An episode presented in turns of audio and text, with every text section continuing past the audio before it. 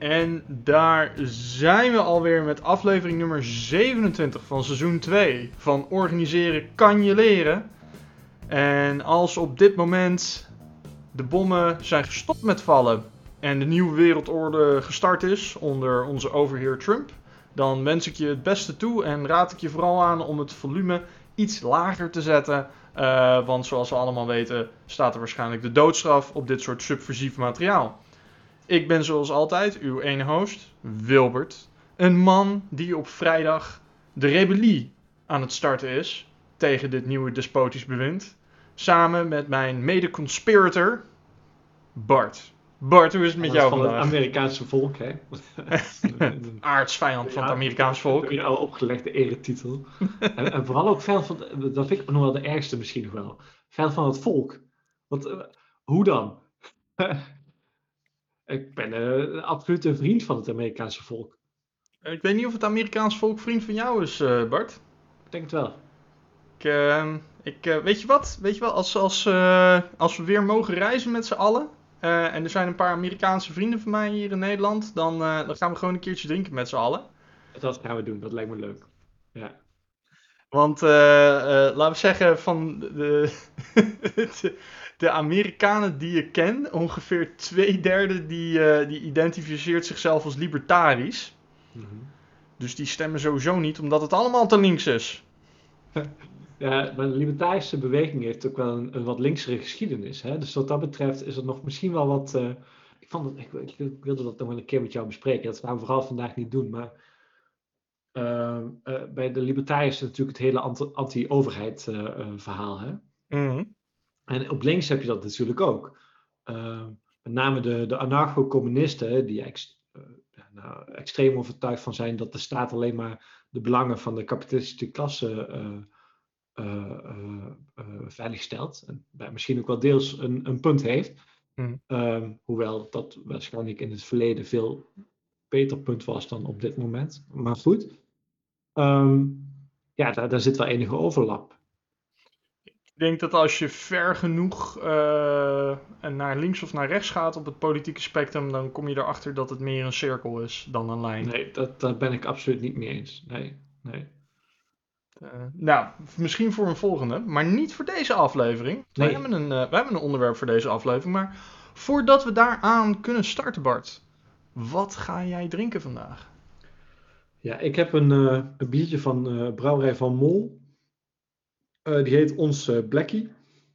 Mm -hmm. Daarbij staat uh, op de zijkant wat ons Blackie nou precies betekent. Dat kan Brabants dialect zijn. A term of endearment for a black pet, usually a dog or a cat. Um, maar het is natuurlijk gewoon een stout. Een imperieel stout. Helemaal lekker. Helemaal lekker. Ja. En wat ga jij drinken? Nou, Bart, ik, uh, ik ben mijzelf nog steeds door het uh, Halloween pakket van onze trouwe sponsor Beerwolf uh, aan, het, aan het werken. Um, ik, moet ik nou zeggen jouw trouwe sponsor? Want ik zit hier toch gewoon een ander bier. Onze trouwe sponsor, Bart. Okay. Dat, ja, maar goed, te, tegen jou is natuurlijk een DHL-conspiracy gaande. Ja. Dat is wel zo. Um, ja. maar, uh, maar daar zit best wel een uh, multiculturele inslag in. Want zoals we allemaal hmm. weten, um, is, een, uh, is een welbekend en zeer eng subgenre van horror de Aziatische horror. Hmm. Kijk naar de Ring films en de Grudge films en Pulse. En, en nog een paar van dat soort hele enge dingen. En dus drink ik vandaag een Tiger hmm. uit Singapore. Ik heb ook wel eens een Tiger biertje op. En er staat op de, uh, op de voorkant: het is World Acclaimed Asian Lager.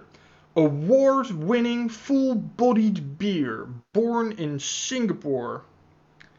Um, en natuurlijk, zoals, de, zoals natuurlijk geldt voor een award-winning beer born in Singapore, komt dit van de Heineken brouwerij. Ja, precies, ja. Maar volgens mij is Beerwolf sowieso een merk van Heineken. Hmm. Oké. Okay. Dus uh, we gaan het zien. Dat er wel geld achter deze podcast zit, uh, potentieel. Ja, wij werken uh, voor Big Hops. Oh jee. Het is niet Big Oil of Big Tobacco, het is Big Hops. Ja, eh, eh, ik moet wel zeggen, die Tigerbeer, ik heb die volgens mij alleen nog maar gedronken in, eh, in Bangkok. Ook enige van Azië dat ik ooit heb gezien. Dus- Ja. Hey, eh proost jongen. Ja, proost, proost. Ehm, dit bier is trouwens heftig. We straks wel wat over te vertellen. Mm. hey, eh, Wil, waar, eh, waar gaan we het over hebben? We gaan het hebben over waarom ik ook alweer geen lagers drink. Hey, is nu al. Ik, ik moet wel zeggen, hè, bij Tiger kan ik me nog wel voorstellen ook waarom het eh, in, een, eh, in, een, in een Halloween pakket zit. Weet je, je bent toch bang voor zo'n tijger. Ja. Ja. Trouwens, ik, ik hou helemaal niet van horrorfilms, hè? heb ik dat wel eens gezegd? Eh, nee, dat heb, je, dat heb je nog niet gezegd. Dat is niet mijn ding. Ik snap gewoon niet wat daar nou leuk aan is. Ehm, de beste horrorfilms zijn echt een fantastische allegorie voor sociaal commentaar. Hm. Eh, hè, dus dus een, eh, George Romero's Day of the Dead en eh, Night of the Dead. En, en die filmserie die ging eigenlijk vooral over consumerism. Hm. Ehm, de fantastische, voor de Nederlandse luisteraars. Ja, de, de fantastische Japanse horrorfilm Pulse, eh, of in het Japans Cairo, die gaat ehm, eigenlijk over de steeds grotere distanciering binnen de maatschappij. Hm. En over, over hoe je je alleen kan voelen, ook als je omringd bent door mensen. Hm. Ehm, de, de initiële Grudge films, die hebben natuurlijk echt een ondertoon van de gevolgen van huiselijk geweld over meerdere generaties. Ja. Ehm, dus laten we op het, op het hoogtepunt heeft het genre echt wel dingen te zeggen ehm, in, in, in metafoor die belangrijk zijn. Alleen inderdaad op het dieptepunt heb je dingen zoals Saw en Hostel en dat soort dingen die, die eigenlijk gewoon torture porn zijn. Ja, Ehm. ik, heb, ik heb een beetje het idee dat je maakt een, een vergelijkbaar argument met mijn ervaring met rum. Namelijk dat eh, mijn probleem vooral is dat ik de verkeerde dingen heb gedronken. En in dit geval dat ik de verkeerde dingen heb gezien. Ik neem trouwens aan, heb jij eh, Parasite gezien? eh? Ik heb Parasite gezien. wat vond je daarvan? Parasite is de film, eh, ehm, ik meen een Zuid-Koreaanse film. Ja. Ehm, die gaat over met name de verschillen tussen boven- en onderklasse. Ja. En dat verpakt in een, ja, wat zal ik zeggen, absurdistische... Is het een komedie? Ik denk het wel een beetje. Soort, soort van, ja. Ja, Ja. er zitten zeker comedische elementen in. Dat eh wou ik misschien. Ja, Maar goed, wat vond jij daarvan? ik vond een goede film. Ah, Oké, ja, dat was een goede film. Ik, eh, nee, ik vond, ik, vond, ik, vond een, ik vond een leuke film en ik ehm, eh, ben niet super bekend met de, de Aziatische maatschappij.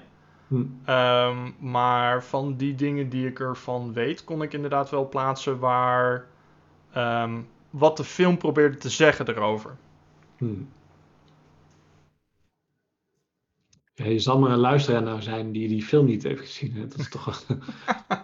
Ik denk, Ja. eh, ik, ik denk dat als, eh, als sociaal contact weer, weer mag, dan, eh, dan gaan wij gewoon een keer een avond goede rum drinken en ga ik jou een, introduceren tot een goede horrorfilm. Oké. We hebben een hoop plannen.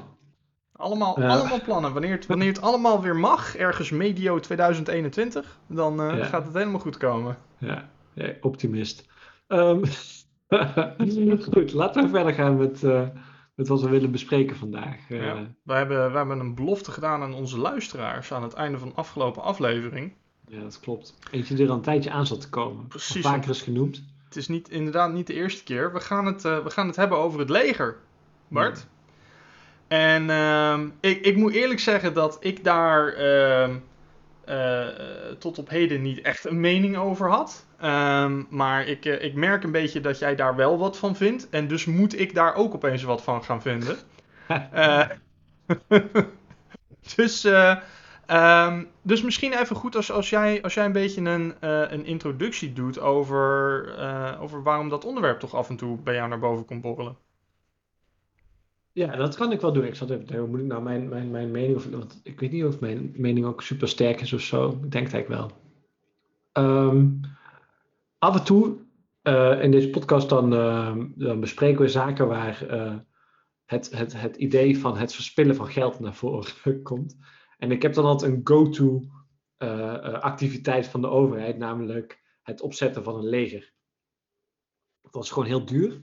Um, uh, en uh, daarmee een makkelijke zaak om op te bezuinigen um, vanuit links perspectief. Het wordt vaak genoemd ter mhm. linkerzijde. Um, dus dat is een beetje de reden waarom het in ieder geval in de podcast vaak naar voren komt. Um, en vervolgens is het natuurlijk wel interessant om te bespreken waarom het dan uh, een zaak is waar je wellicht op zou kunnen bezuinigen. Ja. En zeker, wat daarbij volgens mij interessant is om een beetje tegen het licht te houden, is, is, is wat is nou het doel dat je hebt? Mm En wat zijn de middelen die je beschikbaar stelt? En wat zijn de gevolgen uh, van de beslissingen die je daar neemt? Mm um, en wat daar volgens mij heel vaak gebeurt, is dat bijvoorbeeld voor Nederland, nou, het leger heb je, heb je een aantal disciplines. Hè? Je hebt de, de luchtvaart, je hebt de landmacht, je hebt de, eh, de, de marine. Mm en voor een land als Nederland is het best ingewikkeld om op alle drie een beetje competitief mee te doen. Je bent gewoon maar een klein land, je hebt beperkte middelen. Uh, dus je moet een beetje kiezen. Maar mm het leger zit ook zo in elkaar dat niemand eigenlijk wil kiezen. Uh, dus wat er eigenlijk gebeurt al jarenlang, is dat op al die terreinen uh, de ambitie steeds beperkter wordt. Um, maar je wil nog, de, de, politieke wens is nog steeds op, om op al die terreinen best wel wat te kunnen. Mm -hmm. uh, dus je eindigt een beetje bijvoorbeeld in de lucht, luchtmacht met steeds minder vliegtuigen. Um, een landmacht zonder tanks. Ja. Ja, ja nou ja, ja ja, dat is misschien ook nog wel begrijpelijk. Ja, maar, en ook, en ook een, uh, een uh, ik geloof dat we wat onderzeeërs hebben, maar als je het vergelijkt met Engeland of zo, dan, uh, dan doen we gewoon niet mee. Ja, en toch, en toch het interessante, en ik, ik moet gewoon heel eerlijk bekennen, gewoon nu al gelijk van, van top. Ik heb me niet fantastisch ingelezen op dit onderwerp. Ehm, dus, dus veel van wat, ik, van wat ik hiervan weet is een combinatie van Wikipedia spitten, af en toe wat anekdotes van oud-militairen die ik ken. Uh, in Nederland en in het buitenland. Voordat we hierover verder gaan, oud-militairen. Een, een, significant deel van de militairen, en dit is echt niet allemaal, um, uh, maar een significant deel van de militairen die ik ken zijn oud-militairen die uh, na hun, hun, hun, hun, dienstjaren een MBA hebben gedaan. Dat is een, eh, een, een Master of Business Administration. Um, een door mij zeer um, verachte titel. ik ben trouwens ook heel blij dat uh, Taleb daar ook zo lekker op inhakt zegt. Jongen, jongen. Ja, en, en dat verachte, ik zal, zal even een column uh, toevoegen van uh, Ewald Engelen over, over, over dit geheel. Het komt er gewoon, ja, het is toch, het, het, het is een soort van, je wordt opgeleid tot, tot een, een manager die ja, op, een, op, een, manier met, met bedrijven omgaat die echt heel erg van deze tijd is en daarmee gewoon heel erg achterhaalt eigenlijk. Um, mijn vraag, eigenlijk, vooral toen, toen jij het noemde, is van die mensen, uh, die, die oud-militairen, zijn dat ook die MBA's? Die kom je natuurlijk superveel tegen, want die, die zwerven echt al die bedrijven rond. Nou, en MBA's mogen mij dus totaal niet, hè? Nee, dus dat, ik kom, ik, al, ja. Dus ik, ik, kom niet, ik kom niet zo heel veel MBA's tegen. Ik, okay. ik, heb, ik heb gespeeld met de gedachte om er zelf gewoon een keertje eentje te volgen, om wat meer bekend te worden met wat zij meekrijgen. Maar over, over het algemeen, wij, wij staan redelijk tegenover elkaar qua wat betreft nee, hoe we organisaties willen inrichten en runnen. Um, Misschien, oh, sorry, ik even onderbreken. Toen, toen, toen ik de lab zat en ook zijn kritiek op dit soort zaken, begreep ik ook steeds meer waar wij elkaar nou precies vinden. Uh, mm. Maar dat is echt wel voor een, voor een andere keer, als we, mm. als we het lab een keer goed gaan doornemen hoor. Maar ga verder, ja. Um, maar het, het, het interessante, wat, wat ik er vooral uit meekreeg, is uh, dat, dat ja, uh, het Nederlands leger is um, onderfund voor wat het eigenlijk probeert te doen. Um, dus dus het, het, verkeert niet in de beste staat. Um, om, het, om het even zachtjes te zeggen. Aan de andere kant, de reputatie die onze troepen hebben wereldwijd is in ieder geval onder, onder bevriende naties, waarmee we vaak toch gezamenlijke missies ondernemen, ehm, is, is eigenlijk best wel goed. Ja, het schijnt dat die in Joegoslavië wat slechter is, maar uh, over het algemeen kun je dit wel zeggen. Uh, je moet niet alles geloven wat Erdogan zegt. niet. Als, als, we, als we hem moeten geloven, hebben wij de etnische zuivering gedaan, met z'n allen. nee, dat is ook weer waar.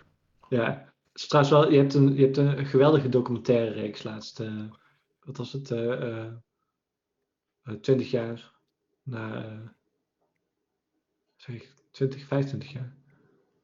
Goed, ik, uh, ik voeg hem toe. Mm -hmm. Onze cijfer. Nee, dus um, uh, we, we, we, hebben, we hebben internationaal in ieder geval onder de, onder de bevriende kracht hebben we een best wel goede reputatie met ons leger. Uh, en onze inzet wordt vaak ook best wel als waardevol gezien als we er met genoeg mensen aankomen zetten. Want we hebben aan sommige, sommige missies echt met één of twee personen meegedaan. Het is ook wel, wel, wel ingewikkeld. Hè? Wat wordt nou als, als waardevol gezien? Hè? Het is ook niet zo als je ergens meevecht dat men zegt van nou, het had eigenlijk niet gehoeven. Um, ik weet niet zo goed wat dat betekent. Um, nou ja, qua, qua bijdrage, qua inzet, qua productiviteit, qua proactiviteit, qua advies. Het, het speelt op, het speelt op meerdere vlakken. Je hebt, je hebt natuurlijk op, op, allerlei plaatsen dat, dat Nederlandse militairen bezig zijn. Maar je hebt volgens mij minstens drie grote zaken. Je hebt dus het bombarderen van Syrië. Volgens mij niet Irak, maar, maar zeg maar het bombarderen van, van, van, van, van ISIS of IS. Je hebt uh, de Patriots in, uh, in uh, Turkije gehad. hetzelfde conflict. Mm -hmm. waar volgens mij vrij weinig mis mee was. Dat is ook heel defensief op zich. Um, en de derde missie die ze even snel is natuurlijk uh, Of Kunduz. Een van de, Kunduz. Ja, mm-hmm. dus de, de, de opbouw van een soort van politiemacht al daar. Um, die laatste overigens. Zeer de vraag wat dat nou precies heeft, heeft, heeft geholpen. Um, je had het er net over underfunded. Hè? Dus de vraag van, van, van gaan er nou genoeg middelen naartoe? Mm-hmm. Er is een soort van, van van permanent on onvrede uh, in het Nederlandse leger. Dat er aan de ene kant heel veel wordt gevraagd vanuit de politiek, maar aan de andere kant heel weinig middelen beschikbaar worden gesteld. Mm -hmm.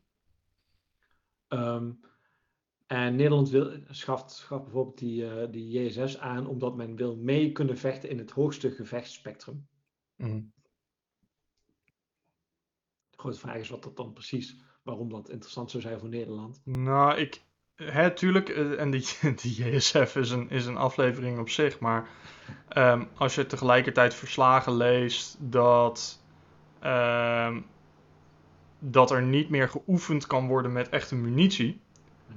Eh, dat is een heel ander soort underfunding als we kunnen geen mooie nieuwe straaljager aanschaffen met elkaar.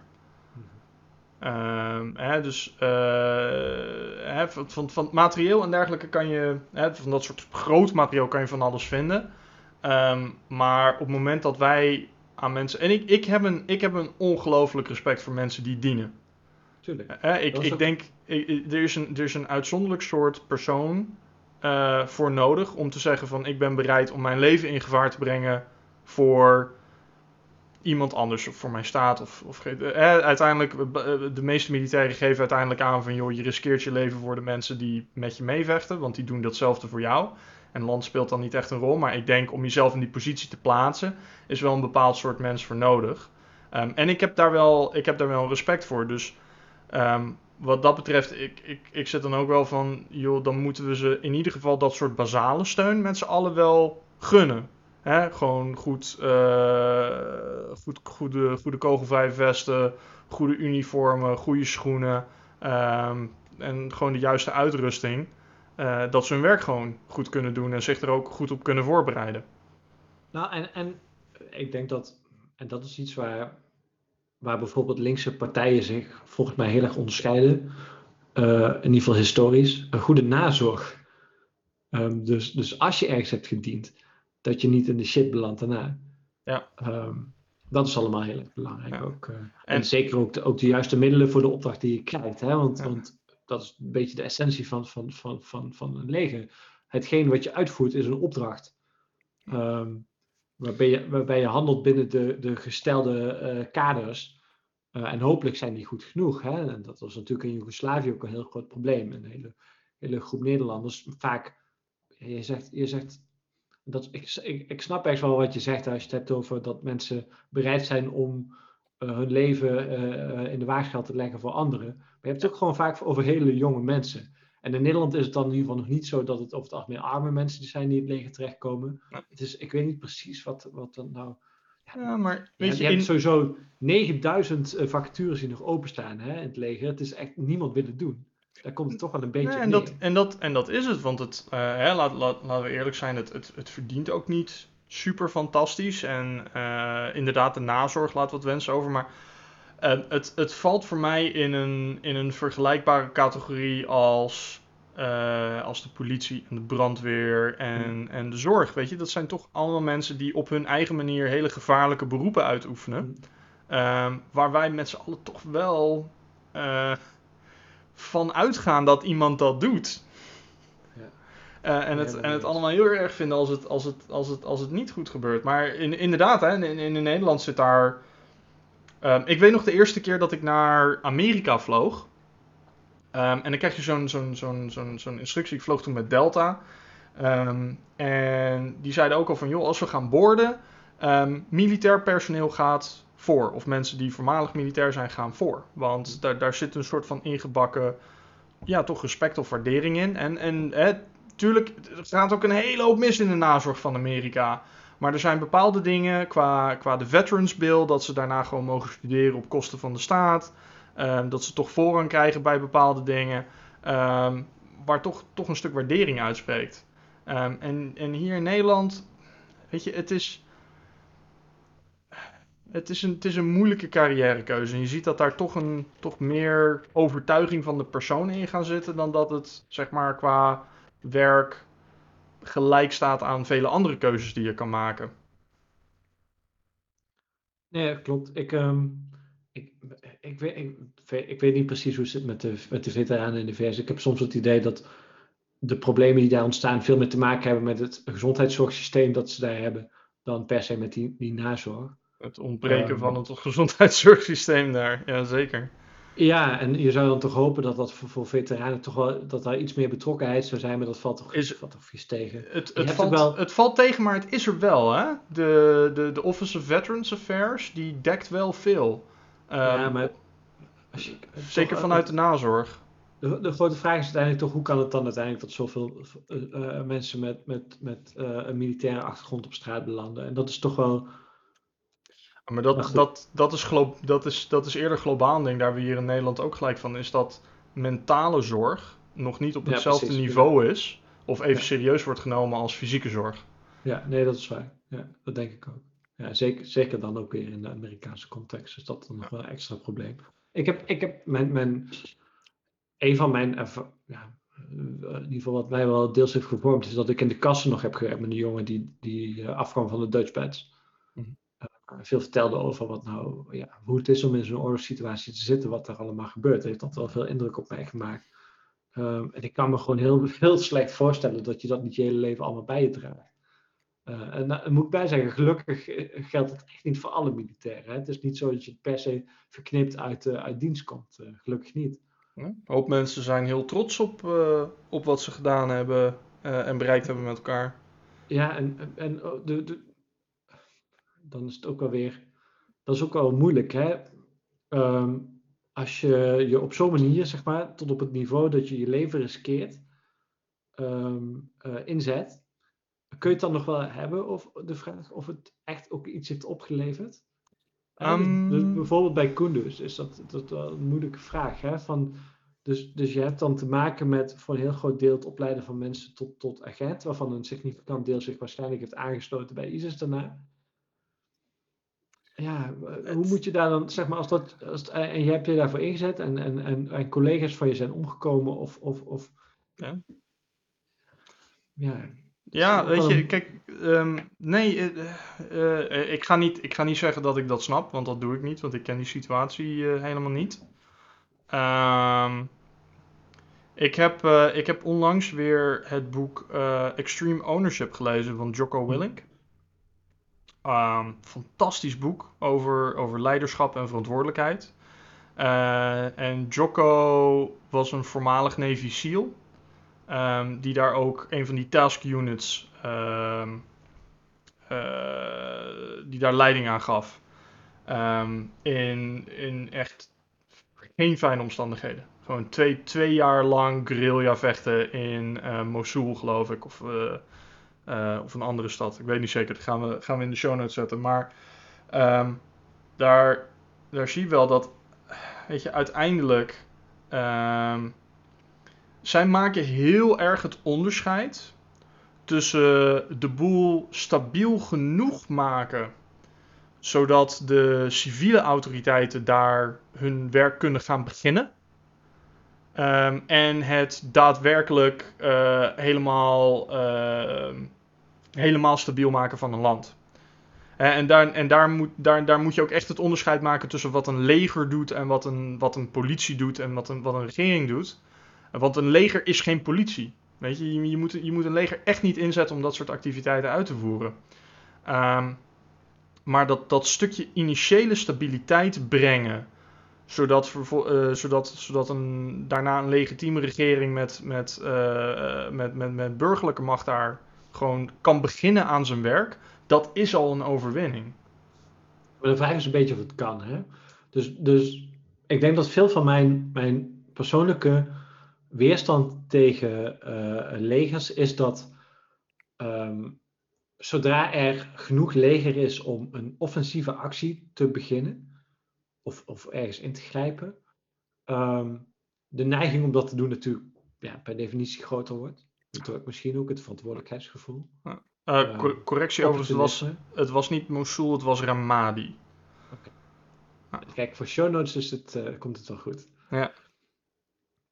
En het tweede is dan, dan, dan dus die vraag van, is het überhaupt wel mogelijk om ergens in te grijpen en bijvoorbeeld, nou, wat heel lang populair is geworden, hè, het brengen van democratie.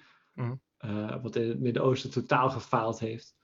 Ehm, en wat, wat ja, als je, als je het hebt over van, ja, het, het leger is, kan, kan die functie opnemen, dat klopt. Maar kun je überhaupt militair ingrijpen op een manier die dan zorgt dat daarna iets komt waarvan je dan wel, zeg maar, waarvoor je de verantwoordelijkheid zou willen nemen. En dat is gewoon een hele, hele ingewikkelde zaak waarvan ik niet overtuigd ben dat dat echt goed kan. Ja, Tegelijkertijd, wat ik wel, wat ik, waar ik wel mee eens ben, en dat Mm. lijkt mij wel een interessante zaak, is in hoeverre je aan defensie moet werken. Maar dan niet in, in, in de manier waarop we het hebben over, zeg maar, want we noemen al het ons leger defensie, terwijl dat overduidelijk niet allemaal is.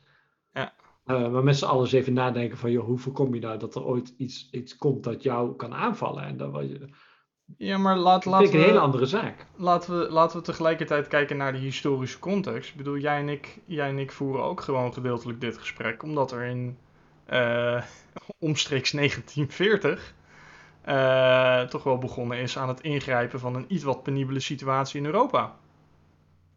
Door partijen van buiten. En Weet je wat het Nederlandse leger toen ook eh, heeft kunnen doen om dat tegen te houden? heel, eh, helemaal met je eens. Hè, maar Ja. tegelijkertijd kwam er, kwam er dus wel een macht van buiten. ehm, die hier toch, eh, toch flinke strijd heeft gevoerd. En de boel net stabiel genoeg heeft gemaakt. eh, waardoor wij vervolgens met Marshallhulp eh weer konden opkrabbelen.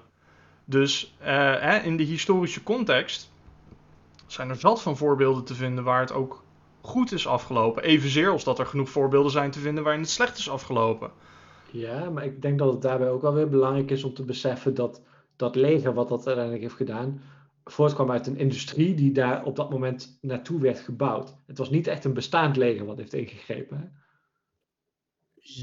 Ja en nee. Ehm, hè, er, was, er was een kern van een bestaand leger dat vervolgens gigantisch aangezweld is eh, met extra recruits. Maar het was, het was ook niet alsof er geen leger was voor die Nee, tijd. ik, ik, ik pleit ook helemaal niet voor geen leger.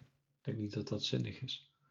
Nee, en, ik, en, ik, en dat, is, dat is denk ik wel een goede, goede om toe, toe te voegen hieraan. Ehm, want, want zo kwam het soms op mij over. Hè, als, we, hè, hadden het dan, als we het dan over een onnodige uitgave hebben, dan hebben we het over het leger. En dan denk ik van, ik hoop dat je niet zegt dat we daarmee moeten nokken. Ehm, dat er een optimalisatieslag te behalen is. Nou, en vooral ook de vraag, hè, wat, wat wil je er nou precies mee? Dat, dat is denk ik de belangrijkste vraag. Want Want eh, als, wij het, als wij het bijvoorbeeld met z'n tweeën hebben over wat een organisatie zou moeten doen, hè, dan Mhm. is toch, toch een van de eerste vragen die je stelt, wat is nou precies waarvoor je in het leven bent Ja. als organisatie? Wat is je doel? Wat, wat is je purpose en zo? Ja. Ehm, want dat, dat maakt nogal veel uit. En, en, en als je het bijvoorbeeld hebt over underfunding, ja, dan betekent dus dat je ergens een fout maakt. Want je hebt een bepaalde hoeveelheid middelen, je hebt eh, dingen die je wilt doen. En kennelijk, eh, ergens ga je te ver en ergens heb je een tekort. Ehm, ja, dat, dat, en dat is ook natuurlijk waarom volgens mij in ieder geval veel militairen niet zoveel vertrouwen hebben in, in, in politiek. Eh, als je aan de ene kant een opdracht krijgt en aan de andere kant volstrekt onvoldoende middelen om die opdracht uit te voeren, ja, wat moet je dan doen? Dan wordt gewoon je leven in gevaar gesteld. Ja. Nee, en het, en het, en het is ook. ehm, hè, het de domein waarin ze zitten is gewoon minder transparant. Kijk, aan de ene kant is het argument te maken van. Ehm, joh, wat, wat, wat, wat, is nou, wat is nou het acute gevaar waarin we, waarin we verkeren? En dat zagen we laatst in Oostenrijk weer. Dat zijn mensen die geradicaliseerd worden eh, en allerlei rare dingen gaan doen. Nou, en ondertussen de beveiligingsdiensten wisten al lang dat die bestond. En er waren waarschuwingen geweest en al dat soort dingen. Maar het, het punt is, er is iemand die voelde zich bijzonder aangetrokken tot een, tot een bepaalde gedachtegang. eh, die, die ergens in een ver land eh schwung heeft gevonden. Dus daar wil je potentieel een ingrijp op doen. Zo'n terroristisch opleidingskamp, daar wil je misschien een actie op ondernemen. Nou goed, daar heb, je, daar heb je bepaalde middelen voor nodig. Maar dat is een heel ander soort oorlogsvoering die je doet dan als bijvoorbeeld eh, Rusland besluit om weer een land te annexeren. Hè, dus, dus, je- dus, dus, dus de vraag is een beetje van. ehm, maar tegelijkertijd. We weten helemaal niet of Rusland nog meer wil annexeren. Dus wil je, wil je nu vanuit Europa je gaan inzetten op conventionele oorlogsvoering tegen een ander land? Wat, wat tegenwoordig niet zo heel veel meer gebeurt, of geloof ik helemaal niet gebeurt. Hè, echt, echt, echt het aantal oorlogen dat gevoerd is tussen landen is best wel beperkt. Hè, er zijn ook niet heel veel landen die daar nog mee aan de gang gaan. Ehm, Dat zijn dus- aan, aan, aan de andere kant, op het moment dat je het volledig je- links ja. laat liggen, hè, je hebt ook niet de garantie dat Rusland niet interessant naar ons kijkt. Dus als je volledig gaat optimaliseren voor asynchrone oorlogsvoering, hè, waar, waar, je, waar je veel meer gaat inzetten op dingen als commandotroepen en luchtmacht en dat soort zaken, ehm, dan loop je wellicht de kans dat je met, je met je broek op de enkel staat op het moment dat een conventionele staat besluit wat raars te doen. het, eh, ik, ik ben geneigd om in ieder geval te beginnen over Armenië. Ehm, ik zal in ieder geval het, het nummer wat System of a Down eh, nu net heeft eh, uitgebracht, om daar een beetje aandacht voor te vragen, eh, toevoegen aan onze show notes. Je hebt tegelijkertijd de oorlog in Jemen, die nog, Mhm. nu, nu geloof ik net iets minder, maar daar gebeurt nog een hele hoop. Je hebt een aantal oorlogen die nog, niet nog hard gaan. Je had het net over terroristische kampen. Het is ook wel heel moeilijk om al die. Maar goed, Midden-Oosten is sowieso belachelijk ingewikkeld. Maar het is wel moeilijk om ehm, eh, terroristische aanslagen los te zien van alle ingrepen die er in het Midden-Oosten zijn gedaan over de afgelopen eh, tientallen jaren. Ja, Ehm, ja het dat, dat gaat speelt ook nog allemaal mee. natuurlijk. Het, Het, het- het een gaat allebei de kant op. Ja. Een groot probleem van een leger is vaak dat eh, ook de dreiging van geweld kan weer leiden tot geweld. Hè? De, de Koude Oorlog is, is een, een opbouw geweest van, van, van, van kernwapens, eh, eh, die gelukkig niet hebben geleid tot, tot een wereldwijde ramp, maar dat natuurlijk wel hadden kunnen. Mhm. Mhm. Dus ja, hoe dit, wat dat betreft is ontwapening ook gewoon absoluut een oorlog. Ik, ik vind trouwens, dat is wel een van mijn grootste twijfels. En dat is ook niet zo'n populair standpunt op links. Ik zie altijd een soort van concurrentie tussen eh, nucleaire oorlog en, en conventionele oorlog. Dus tussen kernwapens en gevechtsvliegtuigen bijvoorbeeld. Hè, want eh, tot voor kort had je gevechtsvliegtuigen nodig om die, eh, die, die, die, die kernbommen te gebruiken. Maar dat hoeft tegenwoordig allemaal niet meer. Maar de dreiging van een kernoorlog zou in, in potentie kunnen voorkomen dat je een conventionele oorlog krijgt. Mhm. Ik dacht altijd dat dat wel op zijn minst een interessante tegenstelling is om te verkennen. Ehm, dus de vraag, kan, kan, kan, kunnen kernwapens leiden tot vrede? Maar Dat, dat is de hele MAD-theorie, hè? Mutually Assured Destruction. ja, precies. Dus dat, dat, dat, dat daar toch een soort van, van, van... Maar goed, tegelijkertijd, hoeveel kernwapens je daarvoor nodig hebt, zijn er in ieder geval niet zoveel als dat er nu zijn. En Eh, je hebt allerlei technieken om, om, om, om raketten weer tegen te gaan. Die kunnen dan toch weer leiden tot allerlei andere zaken. Ik weet ook niet of ik daar nou echt uh, mijn leven op zou, zou willen wagen. Maar, Ik denk, in, in, in alle eerlijkheid, hè, we, we, we hebben een best wel oppervlakkig gesprek erover gevoerd. Ik denk dat wij beide niet voldoende in die materie zitten. om, daar, om daar echt een, een, een, een goed gegronde mening over te voeren. Hm. Um, maar tegelijkertijd, het is goed dat we erover praten. En we praten erover met een paar biertjes. Na een paar biertjes. Dus dat, uh, dat, zegt ook wel weer genoeg over hoe serieus we dat nou precies nemen. Tijdens dit gesprek in ieder geval. Precies. Hoe, uh, over bier gesproken, hoe was je biertje? Ja, ik, um, ik zei dat, dat ik er wel veel over te zeggen had. Het, heeft een, het is dus een stout.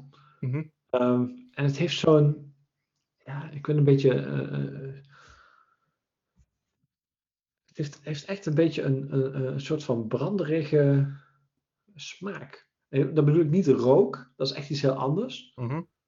Ook niet pittig? Uh, ik bedoel meer een soort van bitterheid. Ah. Uh, lekker. Oh, mooi. ik zag je gezicht al even. nee, nou, ik vind, het is zeg maar niet je typische, sta, typische Russian Imperial Stout. Het is ik vind het zelf lekkerder als iets romiger is als dit, maar goed te doen. Mooi, mooi. Ja. En bij jou dan?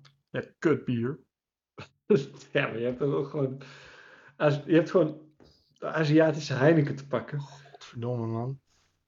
Dat, eh, nee. Nee. Het is gewoon... Dit, dit is niet oké.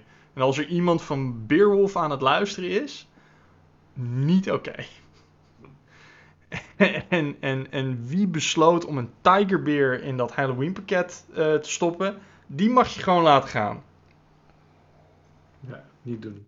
Gewoon, gewoon niet meer doen. Niet meer meedoen. Dit is niet oké. Okay. Dit, dit echt ranzig kutbier. Dat gaan we er echt is, niet nog een keer doen. Er is, wel, er is wel een connectie met het onderwerp wat we hebben, hebben besproken natuurlijk. Want je hebt natuurlijk de, de, de Duitse Tiger Tank.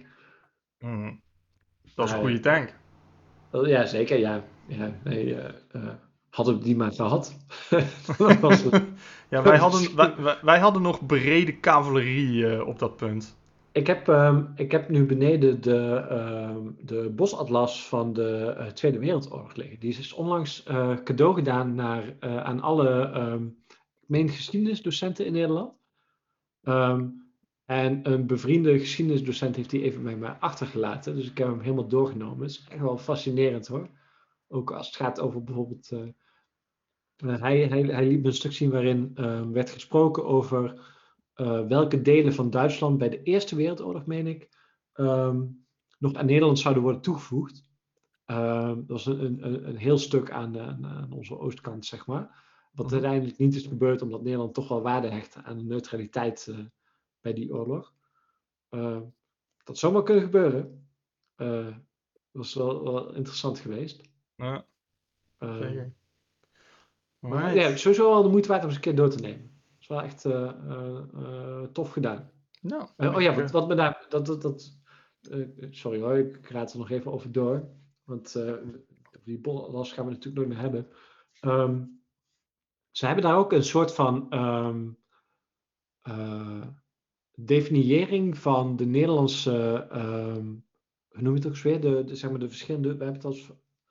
Volgens mij ik weet niet, deze vorige aflevering nog noemde, de, de, zeg maar de, de, de katholieken en de protestanten, de zuilen. Mm -hmm. uh, van zuilendefiniëring gezet. En dat doen ze dan aan de ene kant katholiek-protestant, uh, socialistisch-liberaal. En ze zetten daar nog een, uh, liberaal sowieso apart om als cel op te zetten, omdat de liberalen zichzelf juist niet als cel zagen. Uh, maar ze hebben er nog eentje aan toegevoegd. En die vond ik wel, wel interessant in historisch perspectief. Omdat wij bijvoorbeeld de Vorm voor Democratie of, of, of, of de PVV nu vaak zien als een heel eigentijds fenomeen. Maar ze hadden daar een soort van nationalistische zuil aan toegevoegd. En daar ook wat instituten bij gezet die, uh, die dat ook wel min of meer rechtvaardigden. Mm -hmm. um, het grote probleem bij die manier van neerzetten van, van wat er daar gebeurde, is dat je het zuilen noemt, want dat was gewoon niet het geval. Maar het idee dat er gewoon al, al ja, zeker ook een eeuw lang, wellicht nog wel langer, ook wel dat soort instituten en, en, en, en denkrichtingen waren die ook wel, wel verenigd waren. Ehm, dat is wel, wel, denk ik, goed om, om, om toe te voegen, om een beetje historisch perspectief en ook uh, uh, een beetje het exceptionisme van, van deze tijd uh, onderuit te halen. Ja, ja niks, niks veranderd, joh. Ja, in ieder geval weinig. Alright, hey Bart, tot de volgende weer, jongen. Hey, tot de volgende.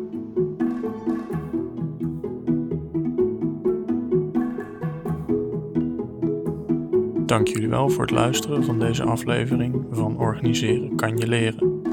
Mocht je vragen hebben over of commentaar hebben op hetgene wat we besproken hebben deze aflevering, of een suggestie hebben over wat we kunnen bespreken in een volgende aflevering, dan kan je ons bereiken op organiseren.pm.me. Dank jullie wel en tot de volgende.